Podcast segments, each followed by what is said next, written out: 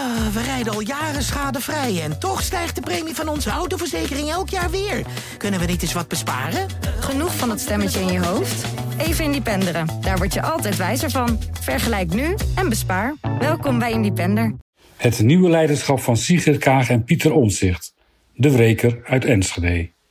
Minister van Buitenlandse Zaken Sigrid Kaag trad donderdag af nadat de Kamer een motie van afkeuring tegen haar had aangenomen vanwege haar beleid rond de te evacueren Afghanen. Ze moest wel. In april zei ze tegen minister-president Mark Rutte, nadat hij ook een motie van afkeuring te verwerken had gekregen, maar daar geen consequenties aan verbond, dat ik zelf niet zou zijn doorgegaan, maar ik ben een ander mens. Ik zou daar mijn eigen conclusies aan verbinden. Tot zover het nieuwe leiderschap van Sigrid Kaag. Kaag draaide zichzelf in het debat van woensdag vast in de ontkenningen en verdraaiingen die ze een half jaar geleden Rutte verweet, dus consequent is ze wel. Ze had er met wat verbale virtuositeit à la Rutte nog wel onderuit kunnen komen, maar daar had Kaag geen zin in. Ze gaat leuk door als leider van D66.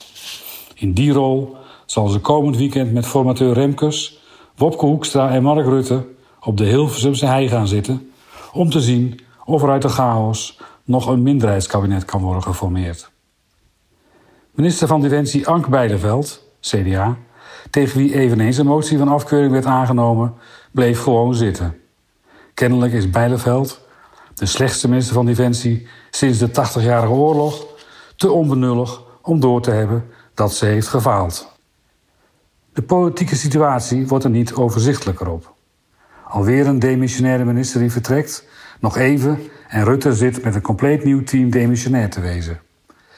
De D66-ministers blijven zitten. Anders hadden we eigenlijk al een VVD, CDA, CU minderheidskabinet gehad en was Remkes klaar geweest. Intussen is Pieter Omtzigt back. Het Afghanistan-debat was voor hem een opwarmetje om er weer een beetje in te komen.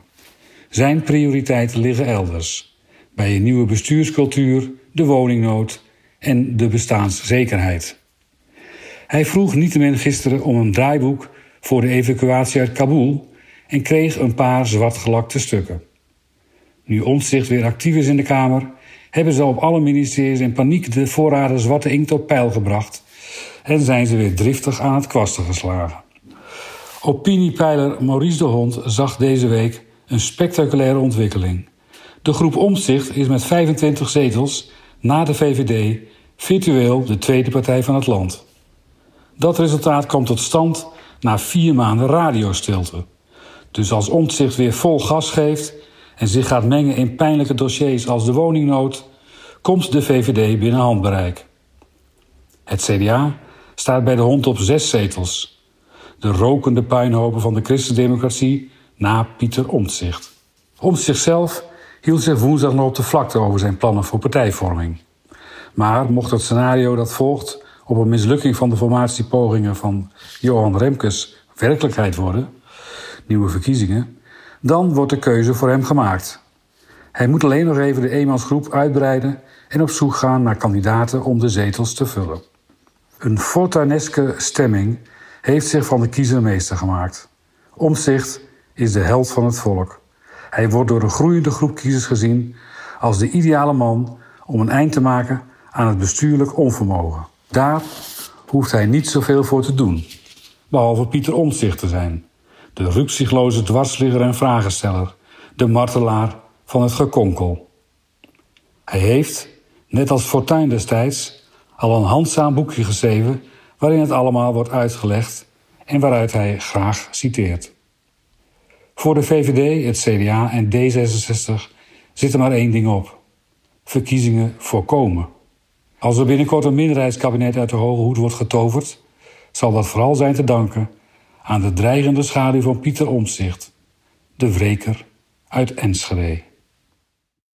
Ah, we rijden al jaren schadevrij en toch stijgt de premie van onze autoverzekering elk jaar weer. Kunnen we niet eens wat besparen? Genoeg van dat stemmetje in je hoofd? Even Independeren. Daar word je altijd wijzer van. Vergelijk nu en bespaar. Welkom bij Independer.